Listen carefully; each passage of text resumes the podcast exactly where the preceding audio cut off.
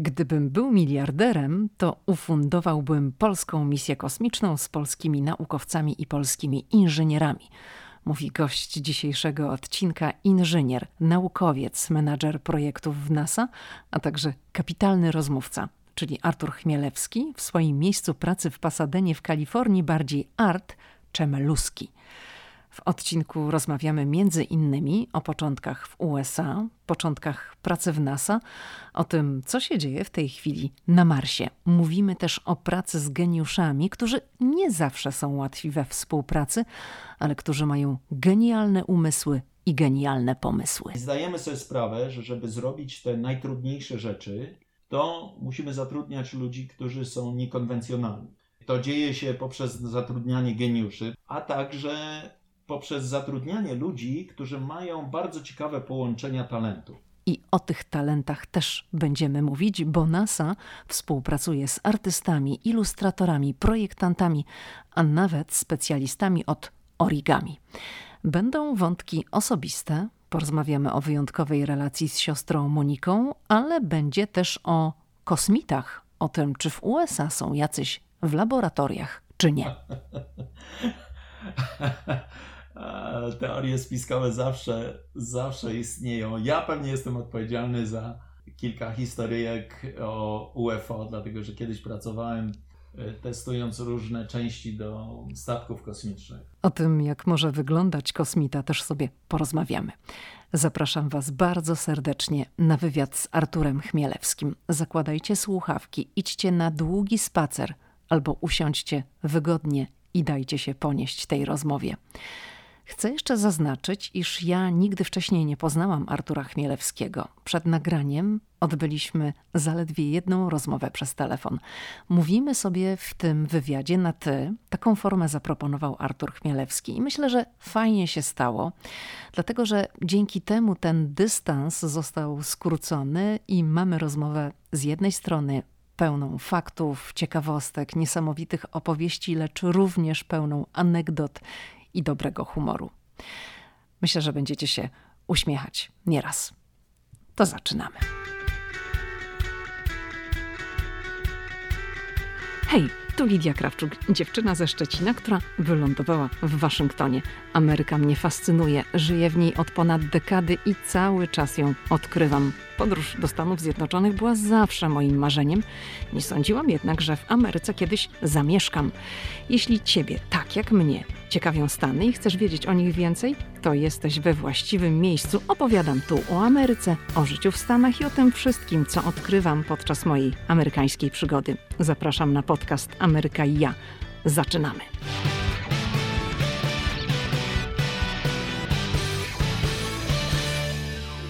Powiedz, czy jeździłeś ostatnio na nartach, czy byłeś na plaży? Pytam, ponieważ we wstępie swojej książki Kosmiczne Wyzwania, która ukazała się w Polsce całkiem niedawno, mówiąc o laboratorium napędu odrzutowego NASA w Kalifornii, mówiąc o położeniu tego ośrodka, w którym ty pracujesz w Pasadenie i gdzie żyjesz, napisałeś: Niewiele mamy miejsc na świecie, gdzie tego samego dnia można pójść na narty i na plażę.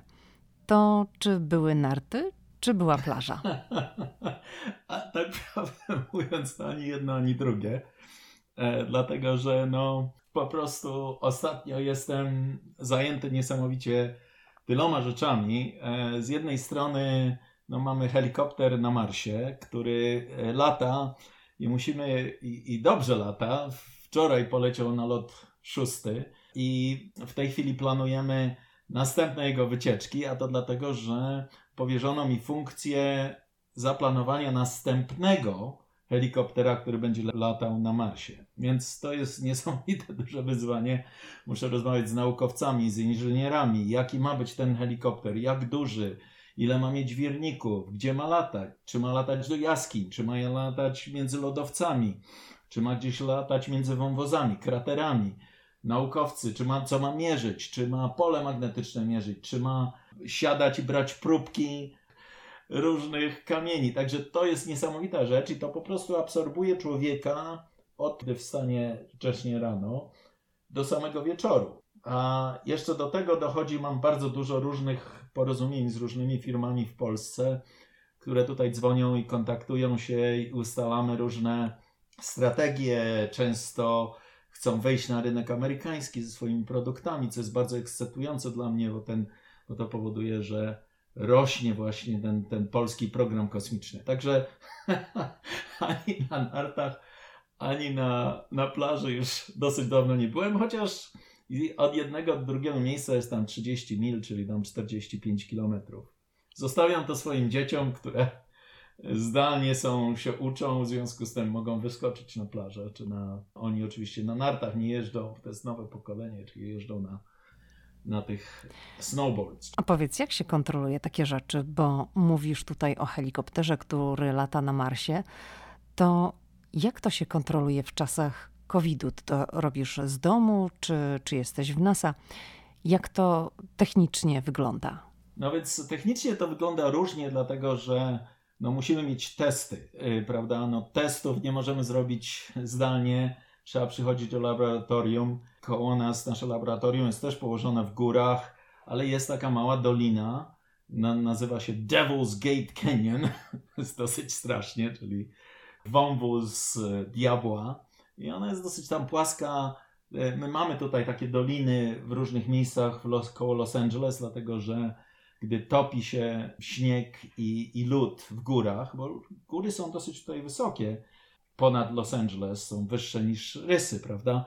Jak zbiera się tam lód i zbiera się śnieg i nagle topi się, to powoduje to spływ ogromnych ilości wody. Kiedyś ta woda oczywiście powodowała różne potopy, ale teraz jest to dobrze kontrolowana właśnie przez inżynierów. I taki jeden właśnie, taki jeden spływ jest koło nas, koło laboratorium. Tam testujemy te nowe helikoptery, prawda? Kładziemy im skały, które są w wielkości mniej więcej te skał, które zobaczą na Marsie. Patrzymy, żeby one, jak one używają własną inteligencję, żeby wiedzieć, że to jest duża skała, że tam nie można lądować, trzeba nad tym przelecieć, znaleźć płaskie miejsce i tak dalej że te wszystkie testy no, musimy robić na żywo. Ale wszystko inne, ja też pracuję nad misjami, które będą latały, prawda, za 20 lat, no to czy jeszcze możemy planować komputerowo, z daleka od siebie. A tak prawdę mówiąc, to, to zdalne życie nie jest nam obce, dlatego że wszystko prawie, co robimy, to robimy zdalnie. Te statki nasze kosmiczne, prawda, są tak daleko, że zawsze jest opóźnienie w komunikacji. O Twojej pracy i Twojej karierze w NASA będziemy dziś tutaj dużo rozmawiać, lecz chciałabym, żebyśmy zaczęli może trochę od początku. Czytając Twoją książkę, to wiedziałam, że skończyłeś studia. To był Uniwersytet Michigan. Dowiedziałam się, że praca w NASA to było zawsze Twoje wielkie marzenie. Ale jak to się stało, że Ty rozpocząłeś studia w Stanach Zjednoczonych? No to się wiąże z historią Polski. E, I nawet z II wojną światową. Moja mama podczas II wojny światowej miała no coś 16, 15, 16 lat, była małą dziewczynką. No i niestety skończyła w obozie koncentracyjnym. A stamtąd też była w obozie Bergen-Belsen i Ravensbrück.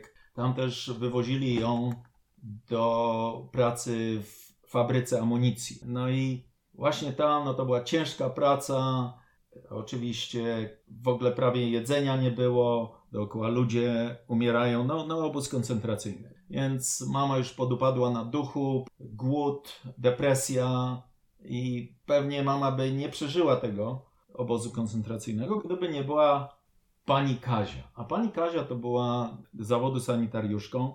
Widziała, co się dzieje z tą małą dziewczynką podnosiła ją na duchu i też szmuglowała jej w skarpetkach kawałki chleba, żeby mama mogła coś zjeść, no i praktycznie uratowała jej życie. Tylko, że po tym jak amerykańska armia wyzwoliła ten obóz koncentracyjny, no to y, mama pojechała z powrotem do Warszawy, żeby szukać swojej rodziny. Niestety i mama i tata zginęli podczas wojny. Później mama w obozie koncentracyjnym Ojciec zginął podczas powstania warszawskiego. No i, ale mama szukała tej rodziny, prawda? Pani Kazia pojechała dalej z armią amerykańską, bo była sanitariuszka, sanitariuszek potrzebowali. I potem, co się okazało później zresztą, wyjechała do Stanów Zjednoczonych, osiedliła się w Detroit, Michigan. bo, bo wróciła razem z armią amerykańską, a mama była w Polsce.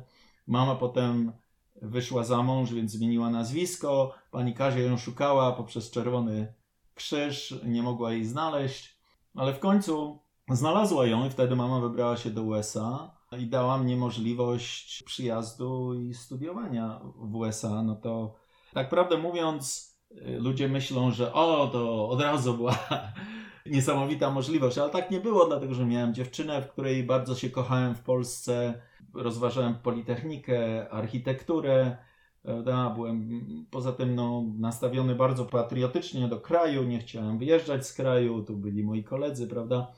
No ale w końcu decyzja była podjęta, że wyjadę na studia.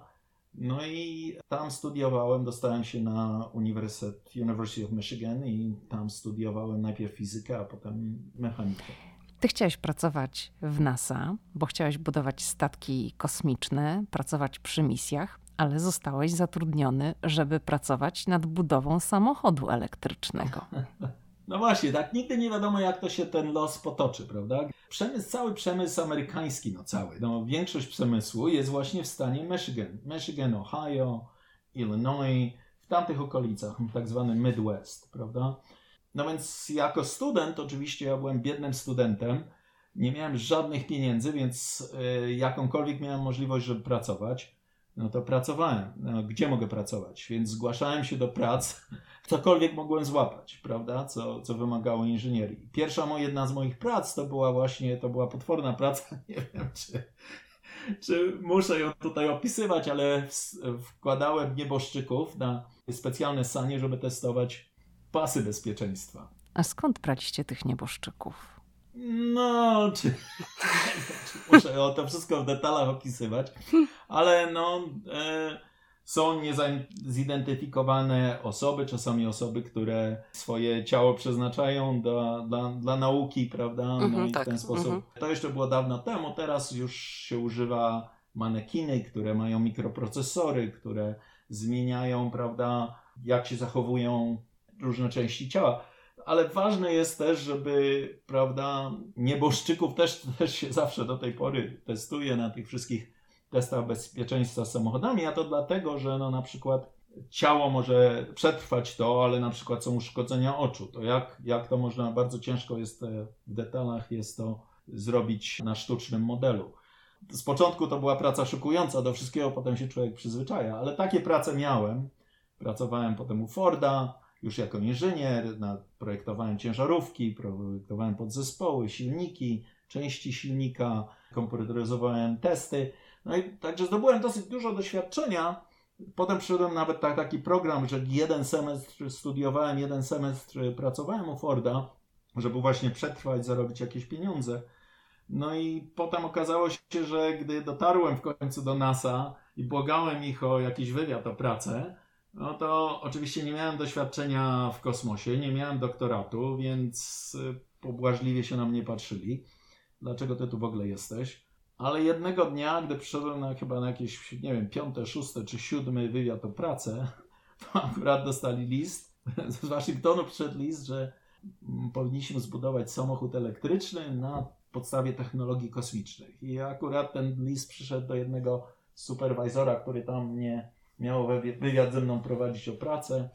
On dostał ten list. Nie miał ludzi, którzy w NASA specjalnie wiedzą dużo o samochodach, a ja mu nagle tutaj spadłem jak z nieba. Także no, dostałem się. A potem, zbudowaliśmy ten elektryczny samochód, no to przeniosłem się oczywiście do budowy statków kosmicznych, co było moim marzeniem. Dzisiaj jesteś menadżerem projektów w NASA. Ile lat pracujesz w NASA? A, jedyne 40. Piękna kariera. To powiedz, co to tak naprawdę znaczy być menadżerem projektów w NASA? Na czym polega taka praca? No więc, żeby być menadżerem projektów, to jest długa droga.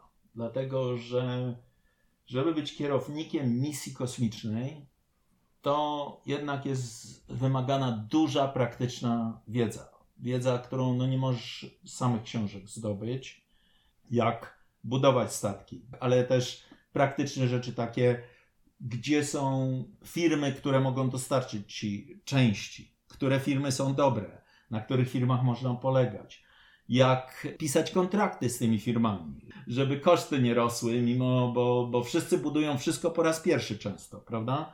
To są nieprzewidziane różne skutki. Jakie podzespoły? Codziennie podejmuje się jakąś decyzję, która wymaga no, zrozumienia, jak działa generator nuklearny, jak działają baterie słoneczne, jak, które mogą w jakich y, sytuacjach być lepsze, ile one kosztują. Także trzeba mieć tą wiedzę praktyczną, którą zdobywałem latami. Pracuję najpierw w laboratorium, potem budowałem i testowałem małe części statków, y, podzespołów do statków. Później byłem już superwajzorem, gdzie pracowało dla mnie tam 10 czy 15 inżynierów, którzy budowali te części. Potem zacząłem pracować nad dużymi programami kosmicznymi i technologicznymi, gdzie rozmawiałem z naukowcami. Oni mi mówili, jakie podzespoły mm, potrzebują, jakie instrumenty potrzebują, prawda?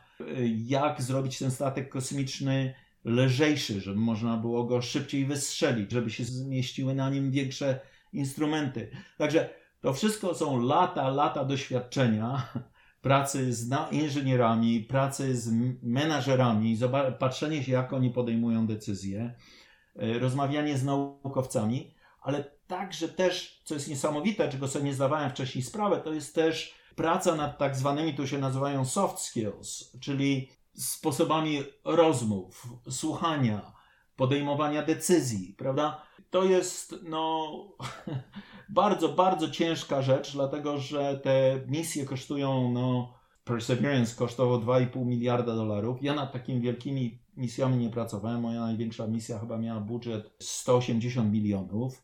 Planowałem misje, które miały były w zakresie 1,5 miliarda dolarów, ale ich jeszcze nie budowałem. ale to są decyzje potwornie trudne, stresujące, bardzo wymagająca to jest praca. Chciałam na chwilę zatrzymać się przy tych umiejętnościach miękkich, dlatego że bardzo fajnie to opisałeś w swojej książce, że w NASA macie cały czas różnego rodzaju szkolenia. I jednym z nich jest takie, podczas którego uczycie się w jaki sposób funkcjonować w zespole i współpracować z kolegami, których się nie lubi. I tu nawiązałeś właśnie do tych gigantycznych budżetów, że no, nie może być tak, że jakaś misja się nie uda, coś nie wyjdzie, bo ktoś nie będzie chciał z kimś współpracować, bo go nie lubi. To podaj może nam jakiś przykład, jak wygląda takie szkolenie, w jaki sposób ludzi się przekonuje do tego, by współpracować z kimś, no, z kim nie do końca jest nam po drodze. Na przykład, proste ćwiczenie. Mamy osobę, y, która ma przed sobą klocki. I ta osoba jest odwrócona do, powiedzmy, mamy grupę 10 osób, tak? I ta grupa, czyli 9 osób jest, stoi w grupie, jedna osoba ma przed sobą klocki, ale jest odwrócona do nas plecami. No i teraz każdy podrząd z tych 9 osób musi dawać instruktaż komendy tej osoby, która ma klocki. Mamy, my, dziewięć osób, mamy przed sobą rysunek, jak te klocki mają być ustawione. I współzawodniczymy z innymi grupami, które są obok. I mają też klocki, jest ta, ta analogiczna sytuacja. No i robimy to na czas, prawda? Mhm. Więc teraz my mamy przed sobą rysunek, jak te klocki ustawić. Musimy to podać tej osobie, która ma przed sobą te klocki i ona ma ustawić je idealnie tak, jak to jest na rysunku. Tylko, że rysunku nie widzi, prawda? No więc osoba pierwsza mówi, weź czerwony klocek. To jest czerwony klocek taki, który wygląda jak trójkąt i postaw go na samym dole. Druga osoba mówi, ok, a potem weź zielony klocek i dwa centymetry obok go postaw, po prawej. No i rzuca się te instrukcje. Każdy wtedy się uczy, jak dawać instrukcje, które są wizualne, które są mniej stresujące, mimo że jest to na czas. Bo gdy osobie się krzyczy i się mówi półsłówkami, jeżeli wszyscy są zestresowani i ktoś tam krzyczy, a ta osoba mówi, nie, nie, nie wiem, o jaki mówisz, zielony, jakiego kształtu, prawda? No to jest taki mały przykład, ale potem ta analogiczna sytuacja idealnie się odtwarza, gdy statek leci, gdzie ląduje na przykład na komecie i trzeba wysyłać instrukcję do niego, a instrukcja nie zadziałała. Co mogło się stać, prawda? Kto popełnił błąd? Gdzie jest ten błąd?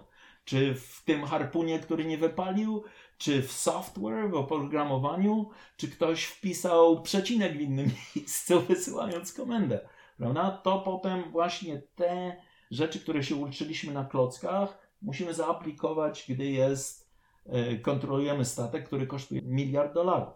Mówiłaś też o osobie, której się nie lubi. Ja bardzo właśnie często wstawiam na każde tam 10-15 osób do zespołu, który pracuje nad statkiem, wstawiam osoby, które są znane w JPL, że nie są takie proste w obsłudze, Aha. ale są genialne, lubią krytykować, dlatego że stwierdziliśmy, że gdy nie ma takiej osoby w zespole, gdy wszyscy się za dobrze zgadzają z kolei, to nie wychwytujemy małych błędów. Gdy ktoś tam zakłada, a ten kierownik Archer Moluski to jest mądry facet, to on na pewno zrobił dobrą decyzję, to ja już się nie muszę o tym martwić. Nie.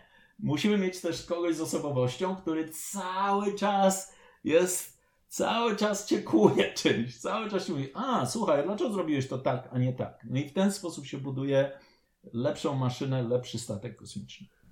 Wiesz co, to ja bym chciała się zatrzymać przy takiej osobowości, jak powiedziałaś, że, że wrzucasz specjalnie do projektu taką osobę, która bywa trudna we współpracy, bo niedawno Elon Musk, który, no, który teraz przecież wspólnie z NASA wysyła ludzi w kosmos, jego firma jest częścią programu podboju kosmosu, on przyznał ostatnio w programie satyrycznym, że ma zespół Aspergera i tu w Stanach pisze się i, i, dyskutuje, że to, iż ujawnił te informacje, może mieć bardzo pozytywny wpływ na zatrudnianie osób w spektrum autystycznym do różnych branż. I czy ty pracujesz również z osobami w spektrum autystycznym? Czy jesteś świadomy, czy, czy ty wiesz o tym? Dlaczego ja o to pytam? Dlatego, że pamiętam, iż słuchałam jakiś czas temu podcastu z panią, która była przez wiele lat agentką CIA, teraz jest już na emeryturze i opowiadała, że poznawała osoby pracujące na zlecenie agencji do wymyślania różnych gadżetów dla agentów, dla szpiegów. I że były to osoby, które niekoniecznie potrafiły świetnie komunikować się z innymi, wchodzić w interakcje, lecz były niewiarygodnie utalentowane w swojej dziedzinie i potrafiły w skupieniu do upadłego pracować nad jakimś rozwiązaniem. Czy też masz osoby w spektrum w zespole i widzisz ten dar, mówi się, że, no, że to jest takie superpower? Jeżeli chodzi o geniuszy, którzy są innymi ludźmi niż większość naszego społeczeństwa, to my spotykamy się z takimi osobami cały czas. Na przykład, gdy pracowałem nad ostatnim lądowaniem, to pracowałem z inżynierem, który, no na pewno jest tą definicją, którą widzieliśmy u Ilona Maska.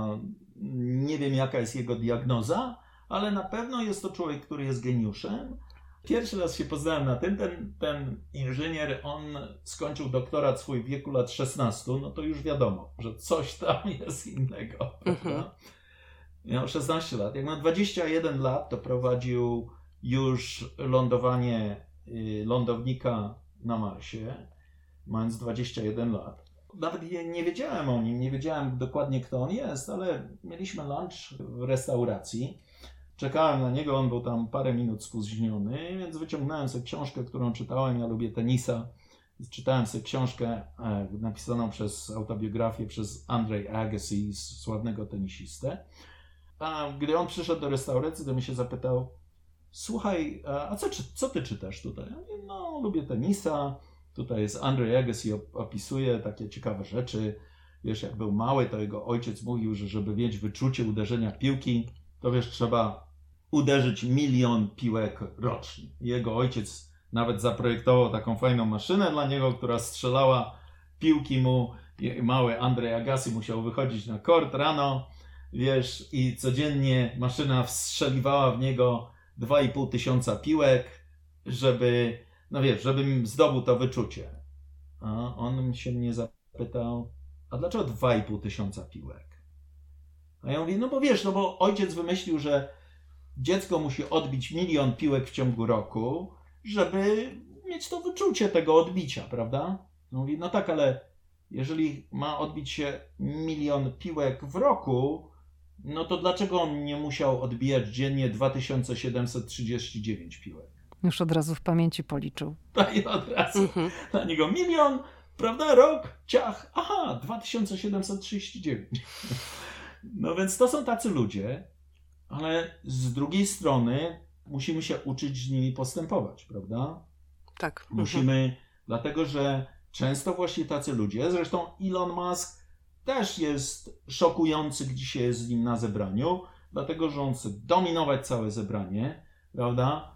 Rozumiem, że masz z nim zebrania. No, kilka razy byłem na, na zebraniach mhm. z nim, yy, dlatego że no, NASA i SpaceX, wiele ludzi myśli, że NASA jakoś konkuruje ze SpaceX, co zupełnie jest głupotą, dlatego że NASA bardzo się cieszy z sukcesów SpaceX i, i to są dwa różne, dwie różne dziedziny, co my robimy. My się zajmujemy nauką i my budujemy tą, ten pierwszy egzemplarz czegokolwiek, a takie firmy jak SpaceX chcemy właśnie, żeby produkowały tańsze rakiety, żeby robiły to z większym ryzykiem, co NASA nie może zrobić. A czasami my z kolei robimy coś, dajemy im kontrakty. No, SpaceX y, dostał już chyba ponad 2 miliardy dolarów od NASA, żeby robić te rzeczy, którym NASA się nie chce zajmować.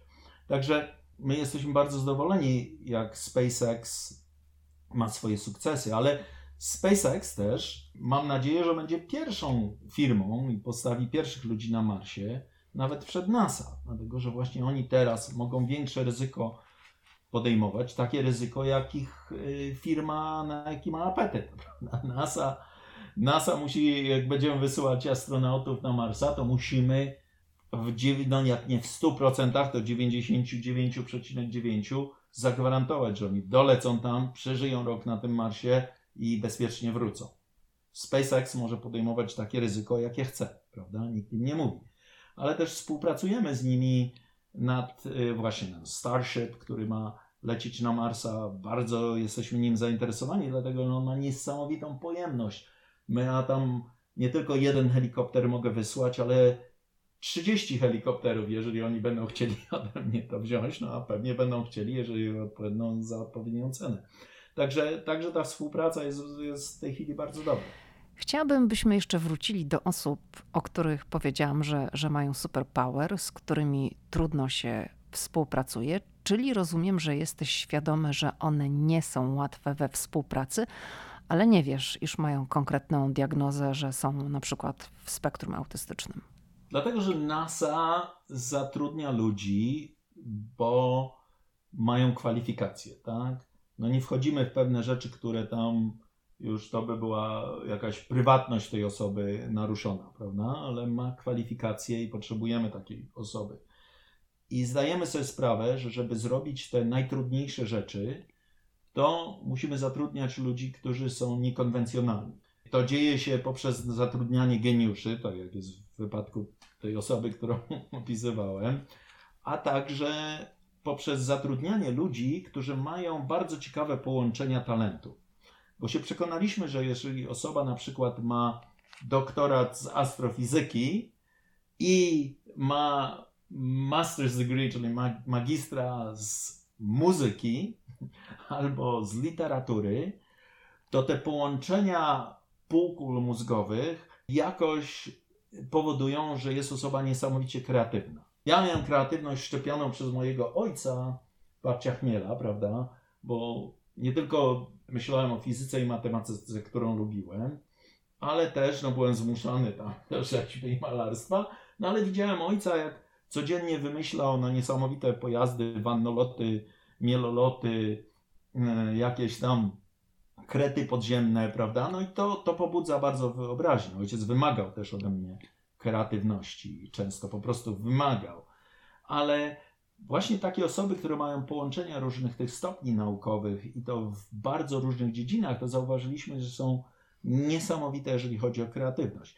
Na przykład też staramy się, żeby w tych zespołach pracowali mężczyźni, kobiety, latynosi, hindusi, połączenie też kultur, połączenie innego, inne podejście. Bardzo młodzi ludzie, jak spojrzycie się, prawda, na tą grupę, która teraz kontroluje helikopter na Marsie, to wszyscy mi się pytają, dlaczego tam jest, jak to jest, że tam jest tyle młodych ludzi, bo są naprawdę bardzo młodzi ludzie. Połączenie jest młodych ludzi z ludźmi, którzy mają niesamowite doświadczenie. Także właśnie takie, taka mieszanka tych zespołów, to stwierdziliśmy najlepiej, najlepiej działa. To powiedz o tym profesorze od origami, z którym współpracowałeś i który okazał się bardzo przydatny przy budowie dmuchanego teleskopu. To naprawdę tą historię to zawsze będę pamiętał przez całe życie, bo właśnie zastanawialiśmy się, miałem zbudować ten teleskop, który był wielkości no, stadionu piłkarskiego, prawda, stadionu narodowego. Cały miał być zbudowany, prawda, z bardzo cienkiej folii i pracowaliśmy nad tymi cienkimi foliami, bo tak naprawdę, żeby odbić światło, prawda, żeby był ten reflektor, czyli teleskop, to potrzebna jest no, jedna warstwa molekuł. Wszystko inne, mm, nawet te teleskopy, które mamy na Ziemi ważą setki i nawet tysiące ton, no to to są, najważniejsze jest odbicie światła, które przychodzi z kosmosu. Ten teleskop musi być bardzo duży, żeby jak najwięcej tych fotonów z dalekiego kosmosu wpadło, prawda? Czyli nie możemy oszukać fizyki, on musi być bardzo duży, ale żeby to światło się odbiło i skierowało to na ten detektor, no to wystarczy jest jedna powierzchnia, jedna molekuła, no może kilka warstewek, kilka molekuł srebra czy, czy innej molekuły, która będzie odbijała dobrze światło, prawda? A wszystko inne to jest, żeby właśnie utrzymać idealny kształt paraboliczny tego reflektora. No i w związku z tym, jeżeli to robimy z folii, a możemy to zrobić w nieważkości na orbicie poza orbitą ziemską, no to chodzi o to tylko, żeby był, ta folia może być cieniusieńka. Także budowaliśmy też folie, które były super cienkie, najcieńsze, to były najcieńsze struktury, jakiekolwiek były zbudowane przez, przez ludzi. No i ten reflektor musiał być napompowany w, na orbicie w przestrzeni kosmicznej. Ale też było ważne, żeby go złożyć, no bo jeżeli mamy tą folię, mimo wszystko, obojętnie jaka ona jest cienka, ale ona jest wielkości stadionu piłkarskiego, no to to jest jednak ogromna objętość. No i tą objętość trzeba złożyć. No i chcemy ją złożyć, e, taki ogromny teleskop, chcemy ją złożyć do czegoś, co no jest e, powiedzmy wielkości stolika, czy, czy zbiornika na jakiegoś e, na śmiecie, prawda? No i żeby to dobrze złożyć, to trzeba to bardzo efektywnie złożyć.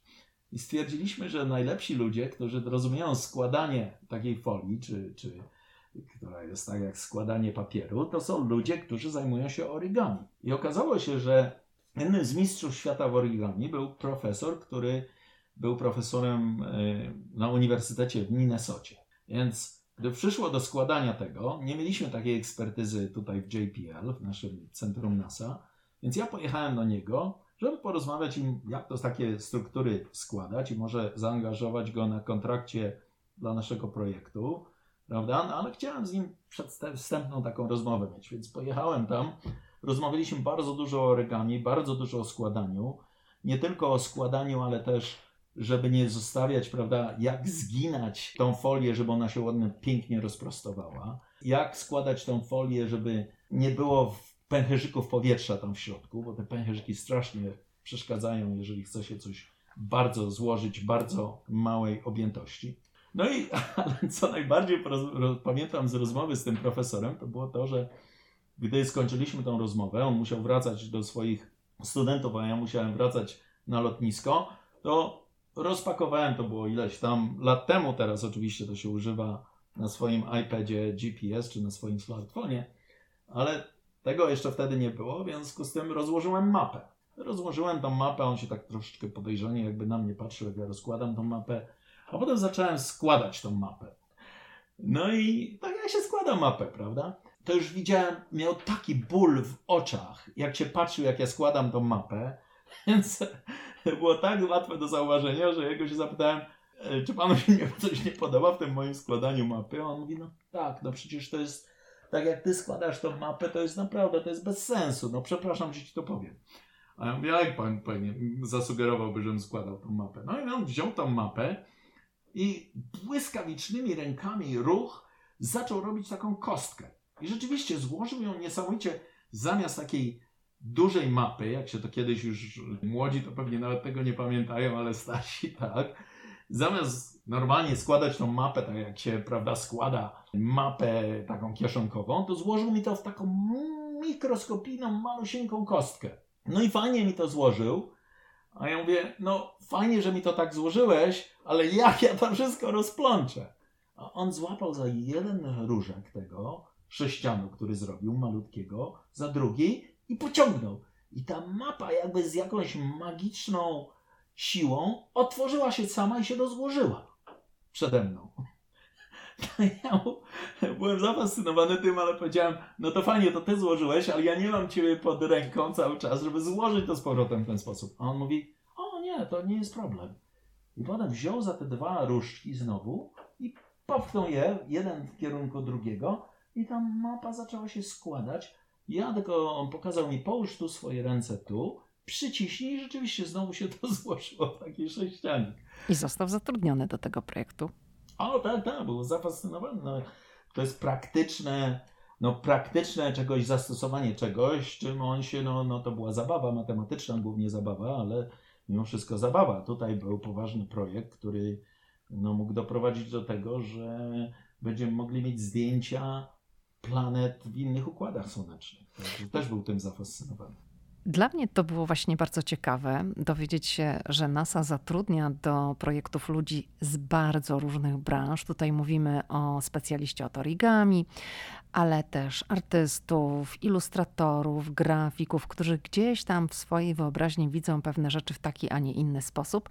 I kiedy robią te rysunki, to dla Was, dla inżynierów NASA, to jest również taka inspiracja, żeby wykonywać być może inne obliczenia albo, albo skorzystać z innych materiałów. E, tak, więc ja uwielbiam pracować ilustratorami. Teraz na przykład właśnie miałem zebranie z grupą ilustratorów kilka minut przed naszym wywiadem.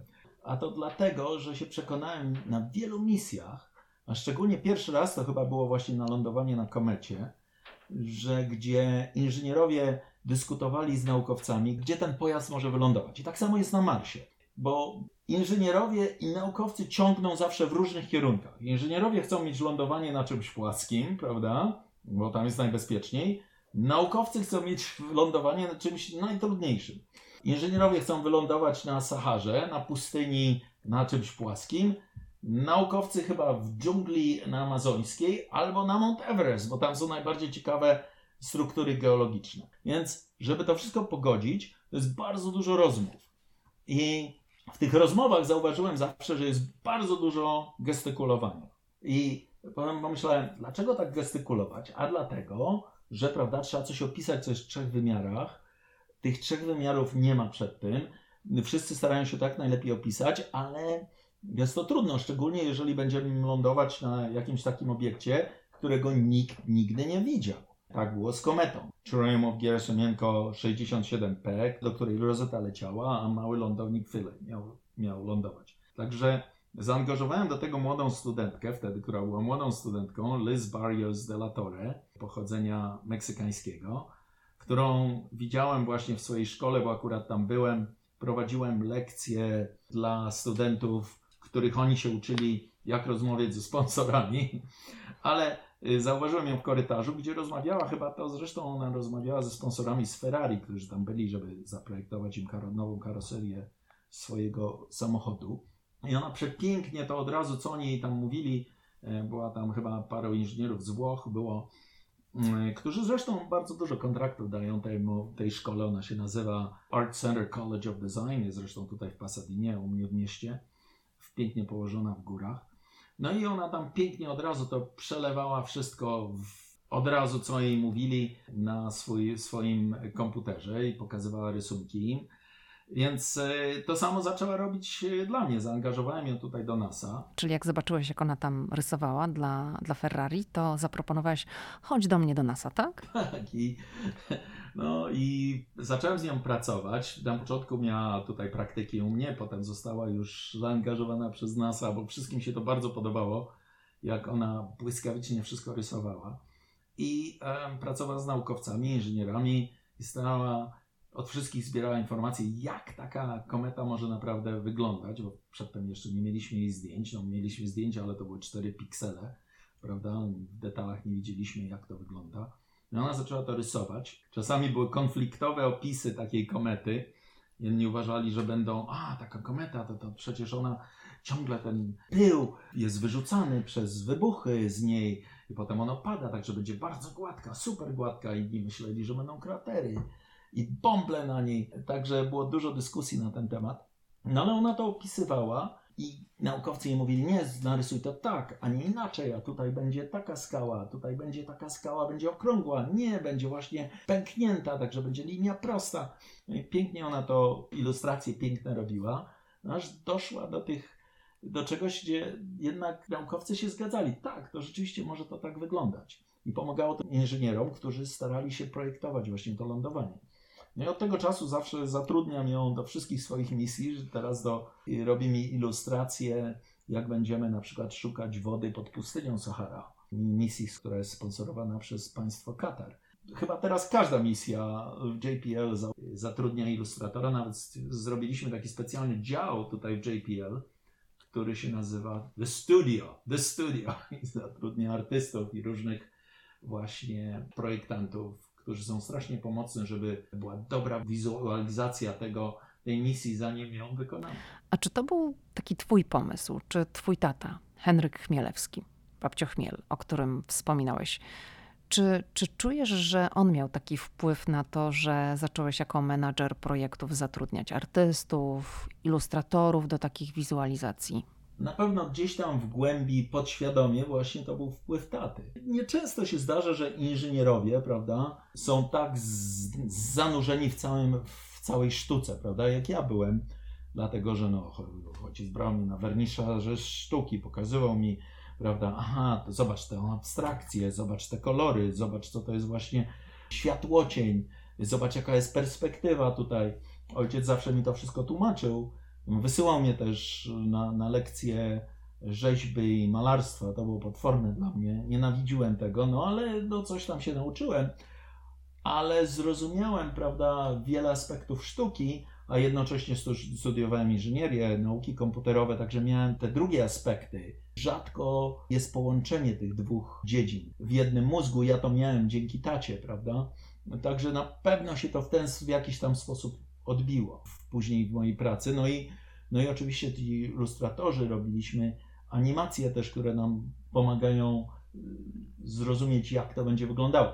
Ale też, na co muszę naprawdę też uważać, nie można za daleko z tym pójść, prawda? Bo gdy mamy za mało informacji i odtworzymy coś artystycznie, to też jest to niebezpieczne czasami, bo i zresztą to o tym piszę w mojej książce prawda? To, co stało się z dinozaurami. Jeden człowiek był wspaniałym ilustratorem i on na podstawie tych paru kości, które znaleźliśmy na pustyni Gobi, zaczął rysować te dinozaury. Potem Disney zaczął robić kreskówki pokazując dinozaury. Zawsze one były pokazywane jak takie ogromne szczury z łuską, prawda? Teraz, ileś tam, 40 lat później, czy 50, dowiadujemy się, że może dinozaury bardziej wyglądały jak koguty i kury niż jak jaszczury. Miały dużo piór, prawda? Ale ponieważ tak pięknie ten pan Steven Knight to odtwarzał i widzieliśmy, byliśmy przyzwyczajeni do jego przepięknych ilustracji dinozaurów. No wszyscy mamy dalej takie wyobrażenie. A, a powiedz, jak NASA reagowała na te twoje pomysły? To nie było tak, że a co ten Chmielewski tam w ogóle wymyśla? Jakieś rysunki, ilustracje? To są również składowe projektu i koszty. To miałeś z tym jakieś problemy?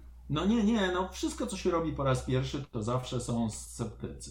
Zawsze ktoś myśli, że to jest jakaś głupota, dlaczego my to robimy. Zawsze znajdzie się inżynier, który czy naukowiec, który tylko uważa, że może to zanieczyszcza jego naukę, coś takiego, że tego to nie powinno mieć miejsca. No zawsze coś takiego jest, no i wtedy trzeba przyjąć ten, tą krytykę do siebie, zastanowić się nad tym, jak możesz to robić lepiej.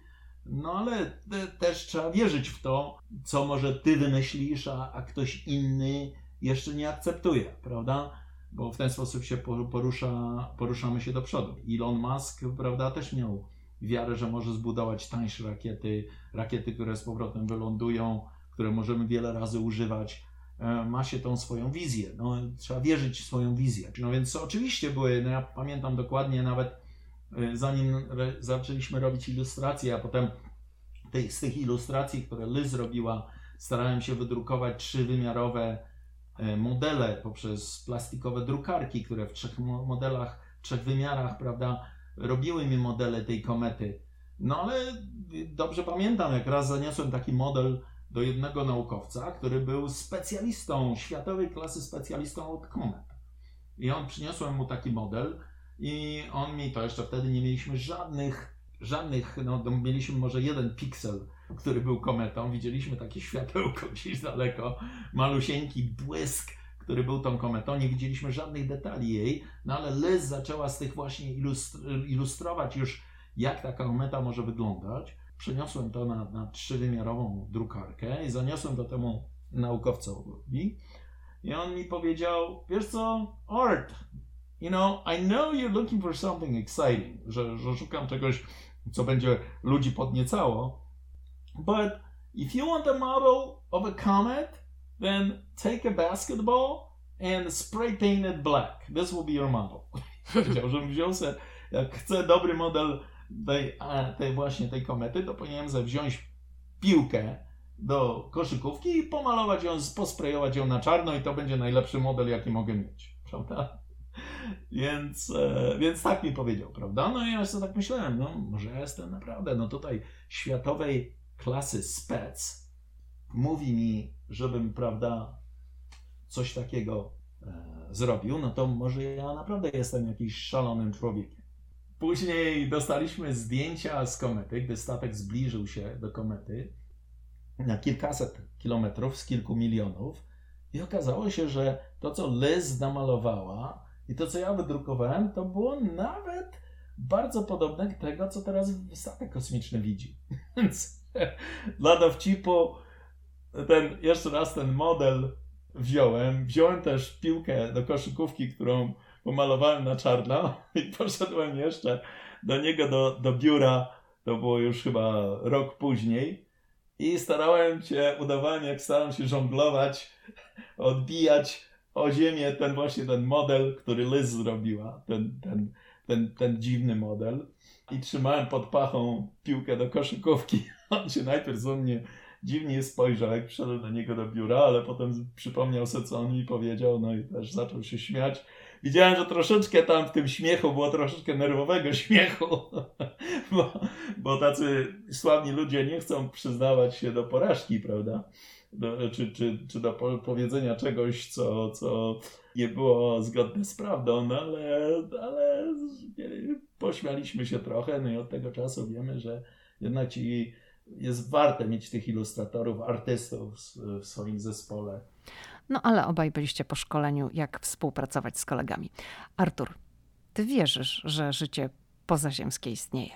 Więc jeżeli się mówi wierzysz, czy życie y, istnieje, czy nie istnieje, prawda? Mhm. Samo to powiedzenie, czy wierzysz, to ono ma w sobie nutkę taką, że to życie może nie istnieć. A to jest dla mnie kwestia statystyki. To może zadam inaczej to pytanie. Istnieje życie pozaziemskie, czy nie?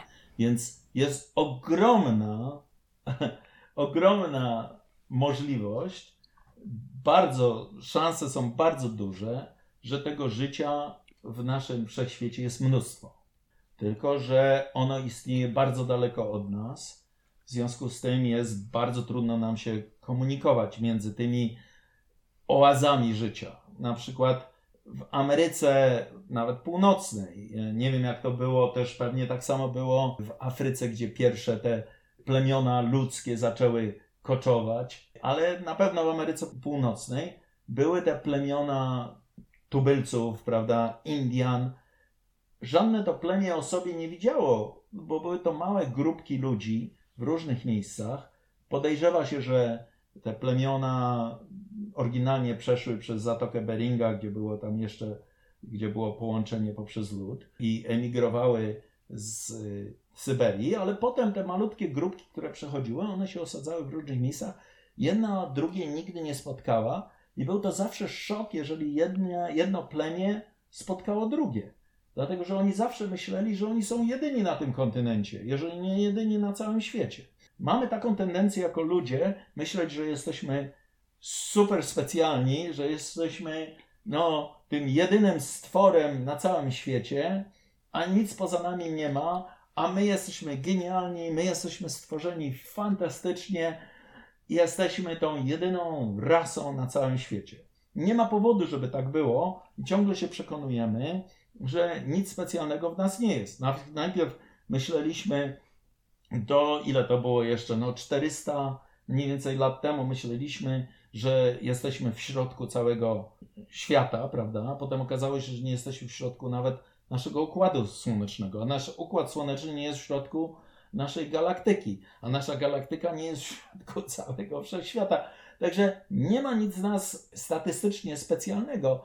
Takiego różnego rodzaju życia powinno być bardzo dużo we wszechświecie. No dobrze. To powiedz, jak wygląda kosmita? Bo w książce napisałeś, że jesteś rozczarowany tym, co nam serwuje Hollywood. Zielona skóra, duże oczy, małe usta i koniecznie chude palce. To jest cytat z twojej książki. Tak napisałeś tam właśnie w tej książce i napisałeś jeszcze, że spodziewałbyś się większej wyobraźni i przede wszystkim większej wiedzy u osób, które kreują te postaci. To czego Hollywood nie wie, nie bierze pod uwagę, no i jak taki kosmita miałby wyglądać? No więc Hollywood właśnie nie wiem jak to się stało, ale dlaczego Hollywood wskoczył w ten jeden schemat tego kosmity? Próbują różne, różne wersje. No jest E.T. Extraterrestrial, prawda, ale są jeszcze, ale wszystko to, to, to są właśnie, wszyscy są mniej więcej naszego wzrostu, naszej wielkości. No, tak jak są dinozaury, to są też kosmici. Tak jest. Wszystko to jest na jedną tak zwaną mańkę, jak Aha. się mówiło, gdy ja byłem młody. A tak naprawdę, i to zresztą tłumaczę w książce i zawsze robię takie zabawy, jak chodzę do szkół, to tłumaczę dzieciom i to jest jedna z ich ulubionych zabaw i jedna z ulubionych części moich spotkań ze szkołami, a nawet e, na, na poziomie uniwersyteckim, gdy tłumaczę ludziom, ok, my wyglądamy tak, jak wyglądamy, bo, jest, bo mamy atmosferę, także mamy płuca, prawda? Jest pewna grawitacja, no to jesteśmy tam wzrostu z tego i tego. Więc jest temperatura taka i taka, no więc w związku z tym nie jesteśmy pokryci jakimi, jakąś izolacją, która by nas potrwała nam przetrwać. No, ale jeżeli to życie się rozpoczęło na innych planetach czy księżycach, no to ono by zupełnie inaczej wyglądało. Zresztą byłem szczęśliwy, bo wciągnąłem ojca, papcia Chmiela, żeby mi zrobił ilustrację do książki tych różnych ufolutków, prawda? Którzy by, jakby on, jakby, i żeby go jeszcze bardziej tatę wciągnąć do tego projektu, to powiedziałem mu, okej okay, tata, wiesz jak Tytus wygląda na Ziemi, tak? A jakby wyglądał, jakby ewolucja go spotkała na innych planetach. No i opisywałem ojcu te inne elementy tych planet. Jaka jest grawitacja, jest ogromna, no to przecież nie, jeżeli jest ogromna grawitacja, ta grawitacja jest kilka razy większa od tej na Ziemi, no to byśmy byli bardzo płascy. Jeżeli żyjemy w oceanie, no to byśmy bardziej wyglądali jak ryby.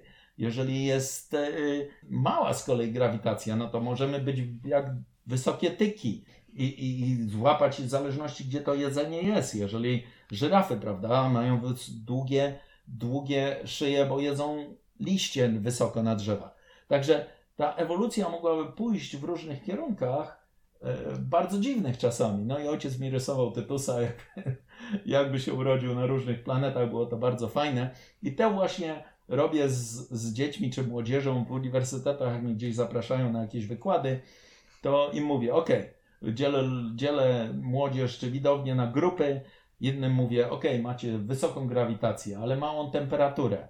Tutaj macie dużą temperaturę, małą grawitację. No i w związku z tym oni muszą robić rysunki dla mnie, jak taki człowiek, czy, czy ten kosmita by wyglądał na tych różnych planetach. I okazuje się, że wtedy sobie zdają sprawę, że to są, mogą być zupełnie, ta ewolucja może pójść w zupełnie różnych kierunkach.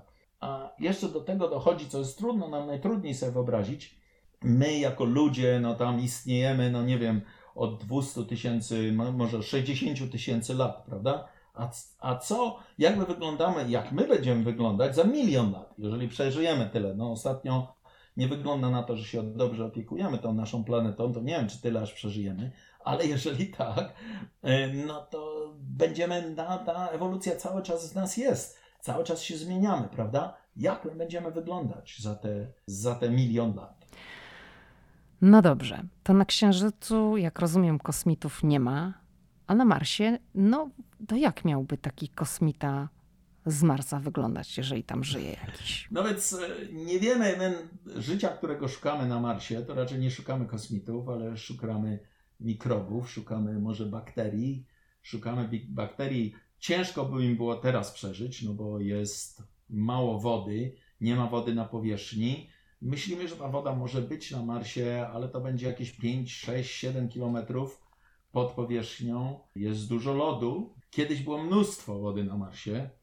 Perseverance wylądował w środku, w miejscu, które nazywamy my Jezero, czyli jezioro. Kiedyś było tam ogromne jezioro w kraterze i wpadała, to była delta rzeki, gdzie wpadała rzeka, która na ziemi, tam jest, rzeki przynoszą bardzo dużo pożywienia, także w takich miejscach jest, jest dużo życia, więc zobaczymy, co tam nam Perseverance powie o tym, jak dojedzie do tego samej delty tej, tej, tej rzeki, prawda?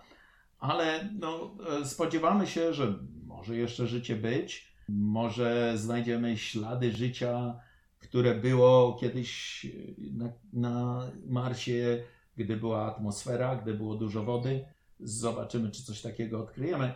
Ale no to jest, mm, to są nasze peryferia. Mars, Wenus, prawda? To jest nasz układ słoneczny. Są ciekawsze miejsca do odkrywania życia.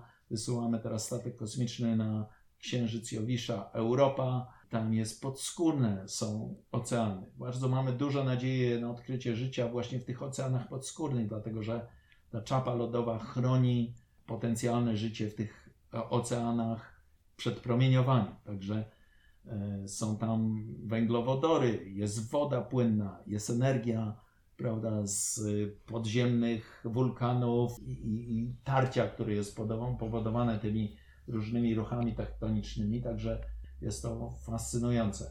Nie spodziewamy się odkryć takich kosmitów, jakich pokazuje Hollywood. Jeszcze przez, przez pewien okres czasu na to będziemy musieli podróżować bardzo szybko i bardzo, bardzo daleko. No ale podobno rząd Stanów Zjednoczonych łapał kosmitów w przeszłości i gdzieś tam trzyma je w laboratorium. Teorie spiskowe zawsze, zawsze istnieją. Ja pewnie jestem odpowiedzialny za kilka historyjek o UFO, dlatego że kiedyś pracowałem testując na balonach, e, testując różne części do statków kosmicznych, bo e, żeby taką, taką nową technologię użyć w statku kosmicznym, kosztuje miliard dolarów, to najpierw musimy ją przetestować. Więc wysyłaliśmy stratosferyczne balony, tam patrzyliśmy się, jak te różne gadżety działają, jak jest rozrzedzone powietrze, jak jest y, mocniejsze promieniowanie słoneczne. No więc stawialiśmy to na takie balony. Te balony, jak doszły tam do 100 km, prawda, y, wysokości, no to wysyłało się komendę poprzez radiową, odpalało się dziurę w tym balonie, no i on tam powoli spadał na ziemię. A jak balon srebrny spada na ziemię powoli i stracił trochę w sobie helu, no to jak wygląda? Wygląda jak spodek, prawda?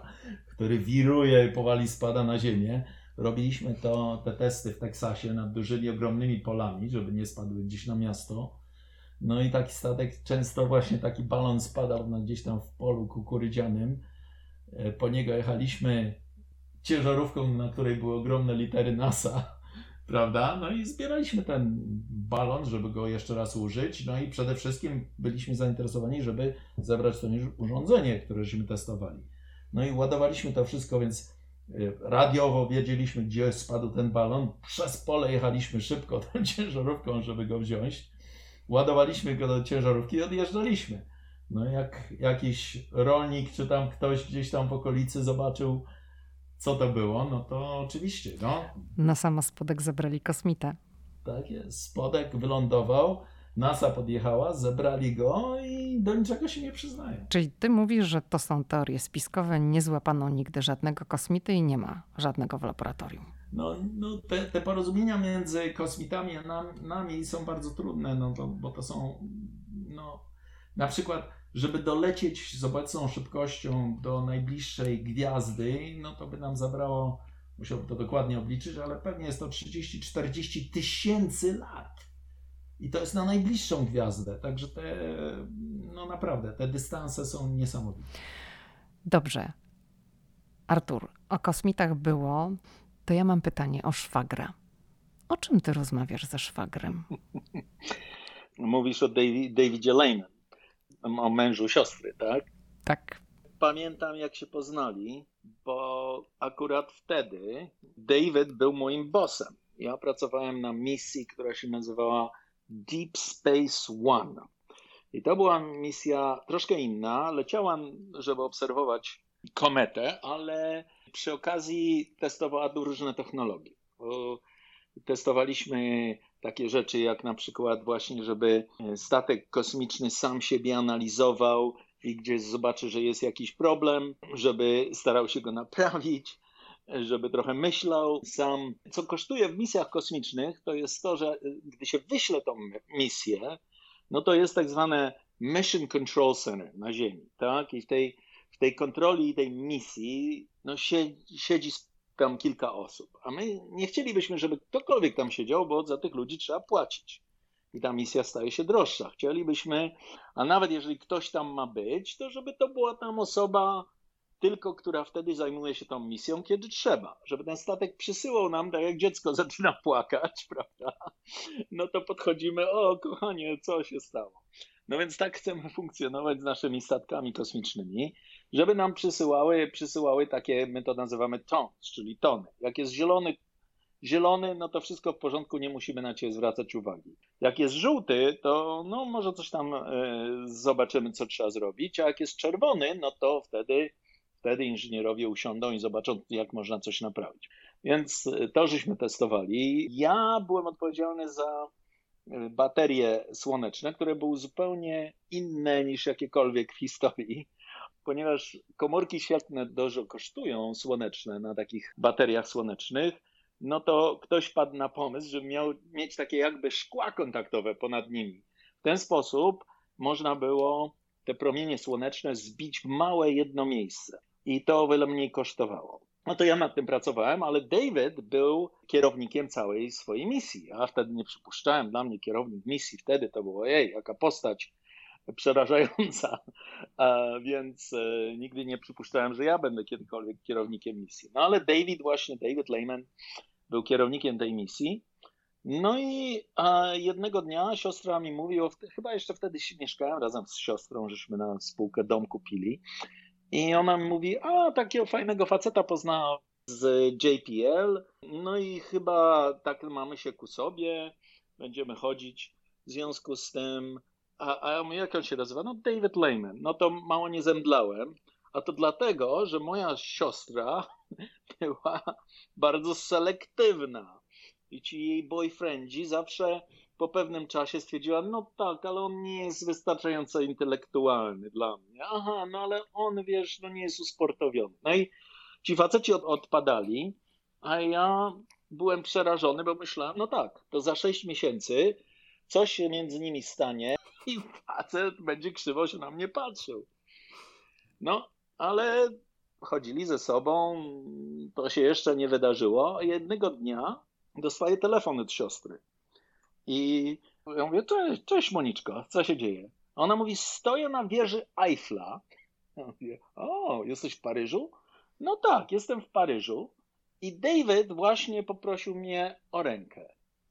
Czy myślisz, że powinnam zaakceptować? Więc ja znowu mało nie padłem. Mówię, dlaczego ty się mnie pytasz, czy ty powinnaś wiedzieć odpowiedź na to pytanie? No więc e, dzwoniła do brata o poradę w najważniejszej decyzji może życia. To znaczy, że jesteście ze sobą blisko. O, tak najbardziej. Ja uwielbiam moją siostrę, jest y, super kochana, w ogóle zawdzięczam jej bardzo dużo w swoim życiu. Ja tu przyjechałem na studia, zawsze będę to pamiętał do końca życia. W pewnym momencie ja pracowałem tam, prawda, u tego Forda, pracowałem z tymi nieboszczykami, o czym mówiłem. Pracowałem e, w Highway Safety Institute. Miałem tych różnych tych, tych prac dorywczych, nawet na poczcie pracowałem, co było potworną pracą. Sortowanie listów, w każdej tej Boże Narodzenie, prawda, w święta zapisywałem się do, na pocztę, bo potrzebowali dodatkowych pracowników, a to dobrze płaciło, że miałem tych różnych płac, ale w tym danym roku zabrakło mi pieniędzy kompletnie. Miałem zero i nie miałem na jedzenie. Musiałem zapłacić czesne za studia i nie miałem nic. Kupiłem sobie ostatnią kurę i podzieliłem tą kurę na siedem części, żeby coś jeść przez siedem dni. To nam pamiętam, był chyba ona miała mnie starczyć do tam 10 grudnia, a dopiero pracę na poczcie zaczynałem 16 grudnia. Także 6 dni byłem bez jedzenia, myślałem. Więc, a byłem oczywiście za bardzo dumny, żeby go od kogoś pożyczyć, czy coś, to nie było do zaakceptowania. No i siostra do mnie zadzwoniła i się pyta, jak tam idzie. No i powiedziałem, no wiesz, to trochę głodny jestem. No i wybadała całą sytuację i e, powiedziała, no to przyjedź do mnie na obiad. Wpadłem do niej na obiad, ona usłyszała o mojej sytuacji i od razu pracowała akurat nad pięknymi serią tkanin i to miała przygotowywać na swoją wystawę. I wzięła te wszystkie tkaniny, poszła do galerii sztuki i sprzedała je prawie za bezcen. Tego samego dnia przyniosła mi gotówkę, przyniosła mi pieniądze i mówi: Masz, masz, nie możesz tak żyć. Więc e, no, przyjąłem to od niej, no bo po prostu przymierałem z głodu i nie wiedziałem, jak sobie poradzę, ale no to był taki gest, że zawsze to mi udowodniło, prawda, że jak kocham jej siostra, no i wzajemnie też ją kocham za, za takie podejście do brata, prawda? Tak, ale nie powiedziałeś, o czym rozmawiacie ze szwagrem. Czy jak macie spotkanie rodzinne, twoja żona, wasi synowie, twoja siostra Monika i jej mąż, to czy wy tam te NASA tematy obrabiacie w kółko przy stole, czy, czy coś innego? Może tenis, bo mówiłeś, że pasjonujesz się tenisem. Więc y, moja siostra i David nie mają dzieci, także bardzo często do nas spadają. Ja mam dwóch synów i David ma wspaniały związek z tymi moimi synami. Także, a ponieważ interesuje się innymi rzeczami w życiu, niż ja, także oni też go uwielbiają i dużo spędzają z nim czasu. David lubi na przykład ścigać się samochodami wyścigowymi. I chodzi tutaj, jest taki Pomona Racetrack, to jest taki właśnie tor wyścigowy, gdzie tam się chyba jedzie, nie wiem, no pół kilometra tylko i w tym pół, pół kilometrze się ściga z różnymi ludźmi, którzy też tam przychodzą. Kupił mojemu synowi Lukasowi właśnie taką wyścigową wersję Mustanga czerwono-czarnego. Na co dzień Lukas jeździ tym samochodem, ale co czwartek idzie z wujkiem i ścigają się z innymi. Także e, wujek też rozmawia z nimi o, o, studiach, jak tam im idzie. Ma, ma bardzo dobry związek z nimi, także też uwielbiam za to wujka. My, jak się spotykamy, to oczywiście rozmawiamy o przestrzeni kosmicznej, a to nawet dlatego, że w pewien sposób jesteśmy połączeni. On jest kierownikiem misji, która się nazywa Odyssey. I ta misja krąży wokół Marsa, a ja teraz właśnie pracuję nad następną misją helikoptera na Marsa. Ten łazik Perseverance, który jest na Marsie i ten helikopterek, który tam lata w tej chwili, to właśnie helikopterek tak się porozumiewa z Ziemią, że najpierw przesyła sygnał do łazika, Łazik przesyła ten sygnał do właśnie misji Odyssey, tego statku kosmicznego, a Odyssey przesyła go do ogromnej anteny w Kalifornii, która z kolei przesyła go do JPL, mojego centrum, i tam już naukowcy siadają i analizują te dane. Także będziemy też połączeni w przyszłej misji, dlatego że David prowadzi właśnie tą misję orbitującą. Jest genialny facet, jestem, jestem bardzo jestem zadowolony, że na tej wieży Eiffla Monika powiedziała tak. A czy ty widziałeś ich w telewizji? Bo twoja siostra wystąpiła w polskiej edycji Żon z Hollywood i oni oboje byli bohaterami y, jednej serii sezonu. Widziałeś? Nie, nie widziałem i mimo, że byłem w jednym odcinku z moim synkiem Markusem, młodszym synkiem, ale żadnego nie widziałem, dlatego że no, to jest trochę program z innego rodzaju niż, niż ja oglądam. Się trochę boję, dlatego że nie wiadomo, jak w takim programie człowieka pokażą. Także ostrzegałem Monikę, nie wiedziałem, jak ludzie w Polsce na coś takiego zareagują. Także nie wiem, nie wiem zresztą, jak zareagowali, ale czasami to jest niebezpieczne. Mam nadzieję, że to wszystko dobrze poszło. Arturze, a powiedz, co się dzieje w tej chwili na Marsie i jak ty to w ogóle kontrolujesz? Na Marsie się dzieje bardzo, bardzo dużo w tej chwili. No bo tak, jest łazik Perseverance, który sobie tam jeździ. Zresztą uwielbiam to słowo perseverance. To jest wytrwałość, tak? I to jest chyba, jak ja szukam na przykład studentów, pracowników do pracy, do swojego zespołu, to wytrwałość mnie bardziej imponuje niż wszystko inne. Dlatego, że wytrwałość, wytrwałością można zajść dalej niż jakimiś ogromnymi talentami, e, genialnym mózgiem czy czymkolwiek innym. Także Perseverance sobie jeździ. Koło niej lata helikopterek Ingenuity, czyli wynalazczość.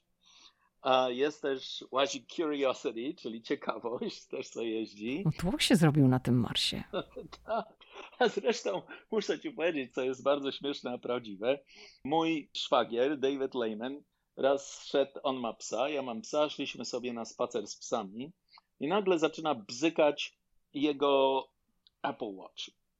No i on się patrzy na ten Apple Watch i mówi, wiesz co, Artur, przepraszam, ale muszę od razu spadać do pracy. Ja mówię, dlaczego musisz spadać do pracy? Jest sobota rano.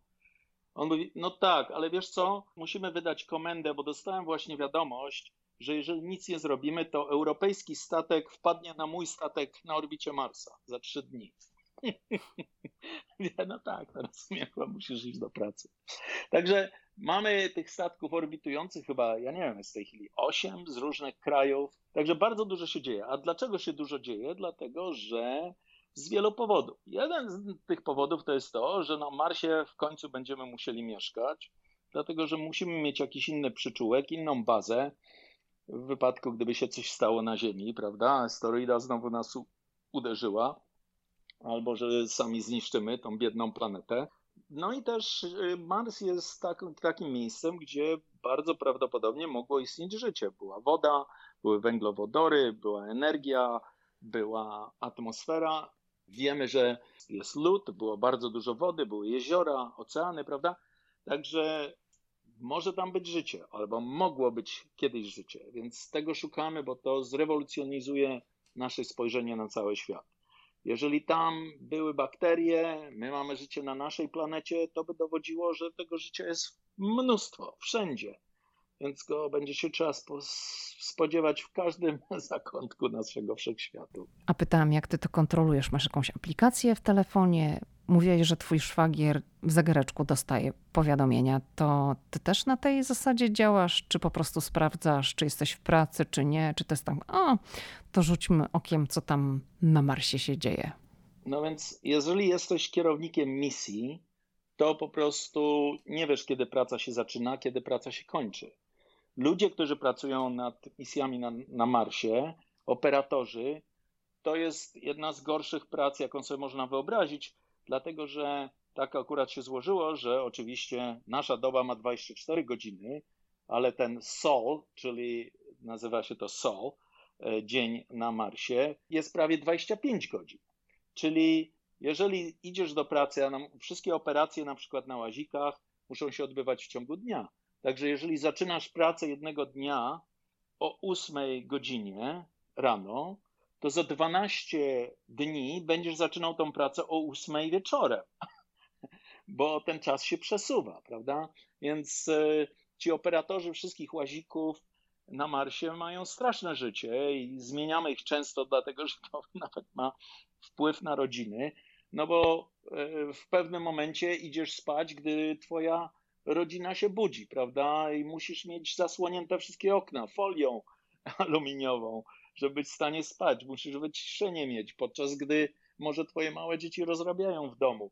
Także to jest bardzo ciężkie życie i komunikujemy się w związku z tym, jak pracujesz nad misjami tego typu, to po prostu nie wiesz, kiedy jest dzień pracy się zaczyna, kiedy się kończy, ile godzin pracujesz, którym momencie masz czegoś nie sprawdzać. No ja tylko pra prawdopodobnie wyłączam tylko, bo, bo nawet misje przysyłają nam teraz ten, ci młodzi ludzie na tych misjach tak zrobili, że gdy się coś ciekawego dzieje czy, czy złego, na jakiejkolwiek misji, to dostajemy nawet teksty. Ja dostaję też swoje teksty na, na swoim Apple Watch. To jedyne, co robię, w którym momencie nie sprawdzam, co się dzieje na tych misjach, to jest wtedy, kiedy wychodzę na kort tenisowy. Bo już była taka sytuacja, że oczywiście coś się wydarzyło i przegrałem szybko mecz błyskawicznie, myśląc o, o Marsie, zamiast myśląc o żółtej piłeczce. Także, ale e, inaczej to po prostu ten dzień to jest e, styl życia. Pracowaniem nad tego typu misjami kosmicznymi to jest styl życia, to nie jest zwykła praca. Powiedz proszę, jakie masz takie zawodowe marzenie, gdybyś nie musiał przejmować się budżetem, klauzulami, ograniczeniami, to co by to było? Więc e, może mam trochę inną odpowiedź na to pytanie. Dlatego, że ja jestem bardzo podekscytowanym stworzeniem dobrego kosmicznego programu w Polsce. Więc gdybym nie miał, nie chodzi o budżety amerykańskie, nie chodzi o budżety NASA, ja jakbym był miliarderem, to bym ufundował polską misję kosmiczną z polskimi naukowcami, z polskimi inżynierami. Byłaby to polska misja. Nie, że to, że produkujemy jakieś śrubki czy urządzenia dla ESY, czy dla DLR, niemieckiej agencji, czy włoskiej, tylko byłaby to polska misja. Dlaczego? Dlatego, że gdy przyjeżdżają tutaj do mnie, tutaj do centrum studenci z Polski, było zresztą już kilku inżynierów na stypendiach z Fundacji Kościuszkowskiej, z Fulbrighta. Byli też studenci, którzy wygrali konkursy łazików tutaj w USA. To no, są genialni ludzie. To nie tylko, że są genialni ludzie, ale oni ciężko pracują, oni studiują, oni zbierają fundusze na części do tych łazików, um, do tego no, pracują gdzieś wieczorami. Także no, to jest e, niesamowita pasja, niesamowite zaangażowanie, wiara w ten kosmos. I co dalej się dzieje? Oni kończą tą politechnikę taką czy siaką i no chciałbym, żeby się wyżyli kreatywnie. Tą pasję za, za właśnie użyli do, do polskiej misji. Nie wyjeżdżali gdzieś tam do Anglii, czy Szwajcarii, czy Luksemburga, ale właśnie tworzyli swoje firmy w Polsce, które by, albo bo żeby by był taki budżet, prawda, żeby była, no może mniejsza niż, niż NASA, ale była organizacja, prawda, jest Polsa, tylko że Polsa jest troszeczkę nie ma takich funduszy, żeby zapewnić tym ludziom y, dobry byt, badając kosmos i robiąc wynalazki dla ludzi. Także to jest moje marzenie, żeby w Polsce był program kosmiczny, który, tak jak w tej chwili podziwia się Chińczyków, podziwia się Hindusów, y, że zaczęli program kosmiczny. Ja bym chciał, żeby właśnie Polska miała taki mocny, rozpoznawalny na świecie program kosmiczny. Na to bym wydał pieniądze, jeżeli bym nie miał ograniczeń budżetowych. A prywatnie? Prywatnie jakie mam marzenia? Ja prywatnie to jestem w takiej sytuacji, że no nie wiem jak moje życie mogłoby być lepsze. No, no naprawdę. Mam genialną żonę, y, która mnie bardzo kocha, e, którą uwielbiam. E, mam dwóch synów, którzy są kulturalni, inteligentni, uczą się dobrze, idą do przodu w życiu. Młodszy synek zrobił wynalazek, Teraz opatentuję go. A powiesz jaki? Wymyślił takie specjalne buty do piłki nożnej, które każdy, kto lubi grać w korkach, by chciał mieć właśnie takie buty. Właśnie dostaliśmy parę tygodni temu pierwszy prototyp z Chin. Zresztą ja szukałem firmy do butów w Polsce, żeby myślałem, że było fajnie, gdyby on mógł pracować z Polakami. No ale nie znalazłem jakiegoś wytwórcy. Może ktoś, kto słucha tego podcastu, produkuje buty w Polsce, to chciałbym bardzo się z tą osobą skomunikować, bo, by, bo chcę, żeby lepiej poprawiał se polski. Także no, mieszkam w Kalifornii, klimat jest cudowny, w tej chwili mam palmy nad głowami, mam basen z ciepłą wodą i jak idę do pracy, to jeszcze jestem bardziej tym podekscytowany niż patrzeniem się na palmy w moim ogródku. Także e, do tego, prawda, e, pracuję nad misjami teraz, które są bardzo humanitarne, badają mm, zmianę klimatu, szukają wody pod pustyniami, co myślę, że ma strategiczne, niesamowite i polityczne znaczenie, bo Tam mieszka 400 milionów ludzi, którzy potrzebują wody i myślę, jeżeli tej wody zabraknie, no to przecież będzie niesamowity konflikt na świecie. Także robić coś dobrego dla świata. Mam dom, który ma panele słoneczne, nie zanieczyszcza powietrza, y, ładuje mój elektryczny samochód. No, czego jeszcze? Jestem zdrowy, e, odpowiadam na ciekawe pytania w podcastach. Czego jeszcze człowiek by, by chciał od życia, prawda? Jedyne, co wam mówię, to po prostu, gdyby był wspaniały program kosmiczny w Polsce i gdybym mógł w tym pomóc, to byłbym kompletnie już, no to, to już wszystkie marzenia by się moje spełniły. Inżynier Artur Chmielewski, menadżer projektów w NASA, był gościem podcastu Ameryka i ja. Bardzo dziękuję. To ja bardzo dziękuję, jestem zaszczycony tym zaproszeniem. Mówiąc szczerze, zaszczycona to byłam ja. Nie byłam nawet pewna, kiedy napisałam pierwszego maila z prośbą o wywiad do podcastu. Mm, nie byłam pewna, czy człowiek, który jest tak zajęty, który robi tak wielkie rzeczy, będzie miał w ogóle czas, ale okazało się, że znalazł dla mnie ten czas i poświęcił mi dwa dni, ponieważ musieliśmy ze względu na pilne spotkanie Artura Chmielewskiego przerwać naszą rozmowę, ale dokończyliśmy ją następnego dnia. Wspominałam w podcaście o książce, którą napisał Artur Chmielewski, Kosmiczne Wyzwania. Ja ją przeczytałam przed wywiadem i świetnie, że ta książka jest również w wersji elektronicznej, bo dzięki temu mogłam ją w ogóle kupić i, i, przeczytać ją, bo ta książka ukazała się w Polsce. To jest książka dla młodzieży, do przyszłych inżynierów, takie odniosłam wrażenie, jest adresowana. Ja nie jestem w tej grupie, ale Przeczytałam ją z wielką przyjemnością, bo jest napisana przystępnym językiem. Jest tam masa ciekawostek, masa faktów. Jeśli Wam jest mało po tej rozmowie, to zajrzyjcie do kosmicznych wyzwań. Ok, to tyle na dziś. Kolejny odcinek, jak zwykle we wtorek, a w międzyczasie zaglądajcie oczywiście na mój Instagram Ameryka i ja. Do usłyszenia